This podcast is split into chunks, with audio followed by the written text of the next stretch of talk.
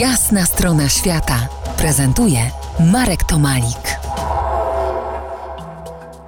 Po jasnej stronie świata dziś profesor Monika Kusiak z Instytutu Geofizyki Polskiej Akademii Nauk w Warszawie. Rozmawiamy o historii Ziemi, o specyficznym zegarze cyrkonowym, który odmierza jej czas. Minerał o nazwie cyrkon jest w wielu skałach. O tym już y, rozmawialiśmy. Jest różowawy. Jak go odbierasz? Nie jako geolog, ale jako kobieta.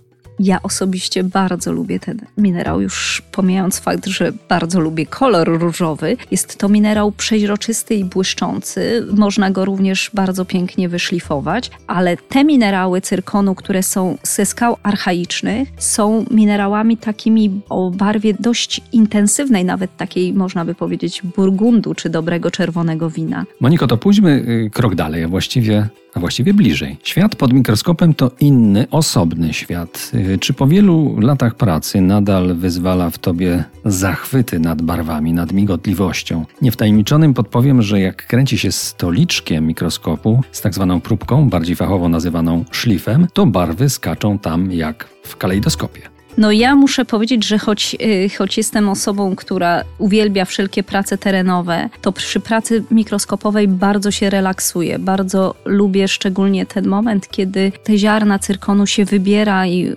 układa równiutko w rządkach. Jest to praca, która jest taką pracą właściwie mróweczki, ale dla mnie jest pracą wyciszenia, uspokojenia się. Układam sobie wtedy te cyrkony pod kątem nie tylko właśnie ich morfologii, czyli kształtu, ale również pod kątem zróżnicowania kolorystycznego, które jest bardzo, bardzo delikatne. I właśnie ta migotliwość światła jest przecudowna. Dalsze analizy obecnie robi się na użyciu wszelkiej mikroskopii elektronowej, więc już niestety mamy do czynienia zaledwie z różnymi odcieniami szarości. Dobrze, wróćmy do meritum tak zwanego zegara cyrkonowego. W wielu wypadkach zawiera e, ten cyrkon maleńkie nanokuleczki, nanoinkluzje ołowiu, właściwie dwóch izotopów ołowiu, cięższego i nieco lżejszego, które są produktem te nanoinkluzje, czy nanokuleczki, czy nanosfery ołowiu są produktem rozpadu radiogenicznego izotopów uranu, dwóch izotopów 238 i 235 i nasz cały ten zegar geologiczny, czy ta kapsuła czasu, cyrkonowa kapsuła czasu polega na tym, że my wychodzimy z założenia, że cały ołów w cyrkonie jest ołowiem wynikającym właśnie z tego rozpadu i że jest on równomiernie ułożony w ziarnie.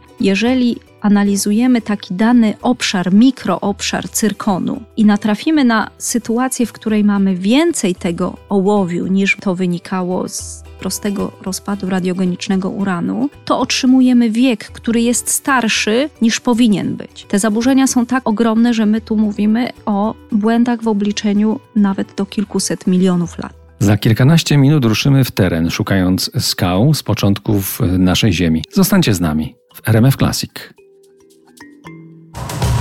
To jest jasna strona świata w RMS Classic.